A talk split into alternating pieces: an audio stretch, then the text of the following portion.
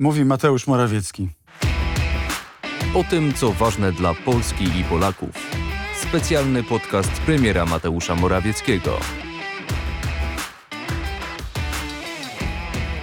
Właśnie w tej chwili trwa ostrzał Kijowa.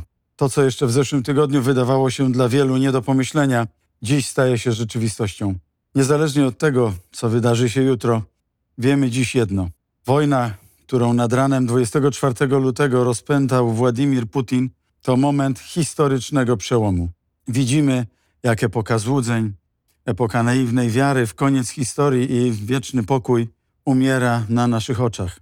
Czy trzeba było odgłosu wybuchów bomb w Kijowie, żeby doszło do przebudzenia Zachodu? Czy doszło w ogóle do takiego przebudzenia? Wiemy, że tak być nie musiało. Wiemy, że zwiastuny tego, co może stać się na Ukrainie, były widoczne już wcześniej. Mówił o tym prezydent Lech Kaczyński w czasie inwazji na Gruzję. Polska miała i ma świadomość tego, jaka naprawdę jest Rosja. Dlatego, że niemal od początku naszego istnienia żyjemy tuż obok niej. Wystarczy spojrzeć na ostatnie kilka miesięcy i lat. Nord Stream 2, ataki hybrydowe Aleksandra Łukaszenki na granicy polsko-białoruskiej, szantaż gazowy, uwikłanie Europy w sieć zależności gospodarczych, ataki grup hakerskich, uwodzenie zachodnich polityków, ale także celebrytów, czy wreszcie rosyjskie inwestycje związane z marketingiem sportowym. Mógłbym wymieniać tak jeszcze długo. Od wielu miesięcy Polska przekonywała partnerów na Zachodzie, że na końcu tego labiryntu jest wojna i jeśli Putin będzie miał okazję, nie zawaha się użyć przemocy. Takich rozmów od listopada odbyłem setki, niemal w każdej stolicy europejskiej. Ale dziś czas rozmów, zastanawiania się, pertraktacji musi się skończyć. Dziś nawet najwspanialsze słowa wsparcia i solidarności z Ukrainą to o wiele, wiele za mało. Kiedy wojska rosyjskie przeprowadzają na Ukrainie regularny szturm, kiedy ostrzeliwane są szkoły i przedszkola, nad głowami niewinnych cywilów latają pociski artyleryjskie, słowa to zdecydowanie za mało. Oświadczenia to zdecydowanie za mało. Europa potrzebuje czynów, odważnych działań. Na nadzwyczajnym szczycie Rady Europejskiej, który odbył się na wniosek Polski, udało się zbudować jedność wokół najdalej posuniętego do tej pory pakietu sankcji na Rosję w historii Unii Europejskiej. Ale ten pakiet to zdecydowanie za mało. Zaproponowałem o wiele dalej posunięty pakiet sankcji. Już na tamtym posiedzeniu Rady Europejskiej, a także dzisiaj w Berlinie. Sankcje obejmują wprawdzie zablokowanie dostępu do pieniędzy i rynków kapitałowych dla wielu sektorów rosyjskiej gospodarki już teraz. Wśród nich są największe rosyjskie banki, które stanowią 70% całego sektora. Ale musimy pójść o wiele dalej. Musimy nałożyć na Rosję miażdżący pakiet sankcji. Taki pakiet, po którym gospodarczo się ona nie podniesie. Tylko to daje nam szansę na powstrzymanie agresji Putina. Od pieniędzy muszą zostać odcięci oligarchowie, którzy stanowią finansowe zaplecze Putina i jego świty. To także koniec dostępu Moskwy do technologii, której potrzebuje w przemyśle wojskowym, ale też energetycznym, wydobywczym i rafineryjnym. A więc ten pakiet sankcji, który został ustalony, to zdecydowanie za mało. Ukraina cały czas krwawi, a Władimir Putin nie zamierza się zatrzymać. I to jest dowód, że dotychczasowe działania Unii są niewystarczające. Wczoraj skierowałem specjalny list do przewodniczących Ursuli von der Leyen i Charlesa Michela, w którym wzywałem do natychmiastowego rozszerzenia sankcji, w tym innymi do kompletnego zablokowania rosyjskich banków i instytucji finansowych, do zamknięcia europejskiej przestrzeni powietrznej dla rosyjskich samolotów. W tej sprawie zresztą dzisiaj kontaktowałem się z kilkoma premierami państw europejskich i widać, jak te rozmowy były skuteczne, jak kolejne kraje w Europie Centralnej zamykają swoją przestrzeń powietrzną dla samolotów rosyjskich. Ale także wzywałem do zamrożenia i konfiskaty majątków oligarchów współpracujących z Putinem i do użycia tych pieniędzy na odbudowę ukraińskiej infrastruktury. Również postulowałem ostateczne zamknięcie Nord Stream 2. Dziś natomiast odbyłem podróż dyplomatyczną do Berlina, aby przekonać kanclerza Olafa Scholza, że z decyzją o odcięciu Rosji od systemu SWIFT nie można czekać ani chwili dłużej. Kijów broni się dzisiaj, jutro, nie wiemy jak jeszcze wiele dni będzie mógł się bronić. Musimy działać natychmiast.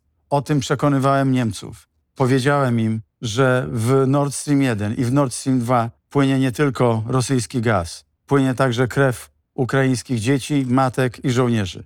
Oni tam w Niemczech muszą zdać sobie z tego sprawę, że nie wolno robić interesów ze zbrodniarzem. W Berlinie przedstawiłem cały szereg propozycji. Wezwałem kanclerza Olafa Scholza do natychmiastowego działania. Sankcje muszą być wdrożone w trybie absolutnie pilnym. Musimy te sankcje zastosować w bardzo szeroki sposób. Dlatego powiedziałem mu także, że dzisiaj musimy działać zdecydowanie, bo jesteśmy jedyną nadzieją dla Ukrainy. Dzisiaj stoimy przed Trybunałem Historii, razem. Wszystkie państwa europejskie, wszystkie wolne narody Europy. Dzisiaj stoimy także przed narodem ukraińskim. I dziś stajemy także przed naszymi własnymi narodami. Od naszej odpowiedzi, od efektywności tych sankcji, jak powiedziałem kanclerzowi Scholzowi, zależeć będzie przyszłość całej Unii Europejskiej. W duchu moich rozmów z prezydentem Ukrainy Wołodymirem Zełęńskim i z premierem Ukrainy Denisem Smychalem zaproponowałem także, aby Ukraina jak najszybciej otrzymała status państwa kandydującego do Unii Europejskiej. To nie musi się zadziać jutro, pojutrze, ale musimy dać Ukrainie taką nadzieję. Ta nadzieja podtrzyma w nich wolę walki, a wola walki to warunek ostatecznego zwycięstwa, to warunek obrony niepodległej Ukrainy. To wszystko powiedziałem także kanclerzowi Scholzowi. Liczę na bardzo zdecydowane działania Republiki Federalnej Niemiec. Mamy w Polsce takie przysłowie: prawdziwych przyjaciół poznaje się w biedzie. Ukraina musi móc liczyć także na Niemcy. Nikt nie może się zachowywać tutaj kunktatorsko. Zabetonowany egoizm, brak współczucia i elementarnej odpowiedzialności to pierwszy krok do zwycięstwa Putina. Musimy temu razem zapobiegać. Jutro specjalne posiedzenie parlamentu niemieckiego, Bundestagu. Na co czekacie w Berlinie? Przecież nie na to, aż Kijów padnie.